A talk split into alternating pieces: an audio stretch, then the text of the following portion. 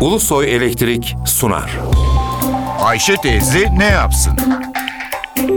Güngör Uras, Ayşe teyze ekonomide olan biteni anlatıyor. Merhaba sayın dinleyenler, merhaba Ayşe Hanım teyze, merhaba Ali Rıza Bey amca. Türkiye genelinde kentlerde yaşayan her 100 kişinin 12'sinin tasarrufu, birikimi var. Tasarrufu olanların sayısı geçen yıla göre de, geçen aylara göre de geriledi.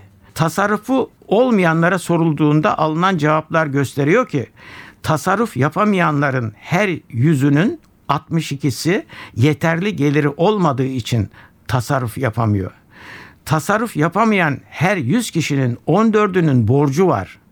Gereksiz alışveriş yaptıkları için tasarrufları olmadığını söyleyenler ise tasarrufu olmayan 100 kişinin sadece 3'ü. Görülüyor ki sorun gelir yetersizliği ve borç yükü. Tabii ki geliri yetmeyenin, borcu olanın tasarruf etmesi mümkün olamaz. Tasarruf ertelenmiş tüketimdir.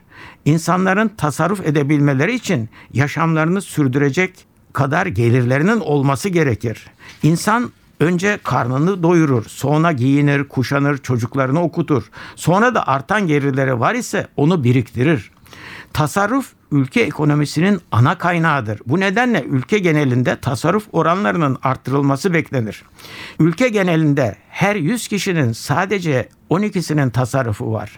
Tasarrufu olmayanlara gelecekte tasarruf imkanı bulup bulamayacakları sorulduğunda sadece 25'i ümitli konuşuyor.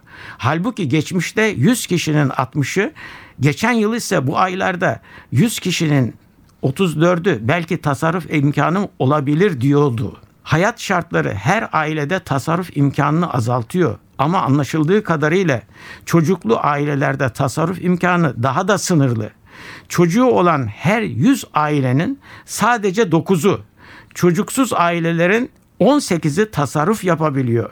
Geçmişte çocukluların %14'ü, çocuksuzların %20'si tasarruf edebiliyordu tasarrufu olanların birikimlerini nerede sakladıkları da önemli. Araştırma gösteriyor ki halkımız tasarruflarını yastık altında saklamaya devam ediyor. Tasarruf sahiplerinin %26'sı tasarruflarını altın ve %14'ü döviz olarak yastık altında tutuyor. Yani finans sistemi dışında saklıyor tasarruflarını bankalarda sakladıklarını söyleyenler 100 tasarruf sahibinin sadece 38'i. %22'si vadeli yüzde onu vadesiz hesapları tercih ediyor. Yüzde altısı döviz mevduat hesabı açtırmış. Tasarruf sahiplerinin yüzde on altısının bireysel emeklilik hesaplarını, yüzde dördünün hisse senetlerini, yüzde ikisinin de fon hesaplarını tercih ettikleri görülüyor. Bir başka söyleşi de birlikte olmak ümidiyle şen ve esen kalınız sayın dinleyenler. Güngör Uras'a sormak istediklerinizi ntvradio.ntv.com.tr adresine yazabilirsiniz. Ulusoy Elektrik Profesör Doktor Güngör Uras'la Ayşe teyze ne yapsını sundu. Ulusoy Elektrik. Tüm enerjimiz enerjiniz için.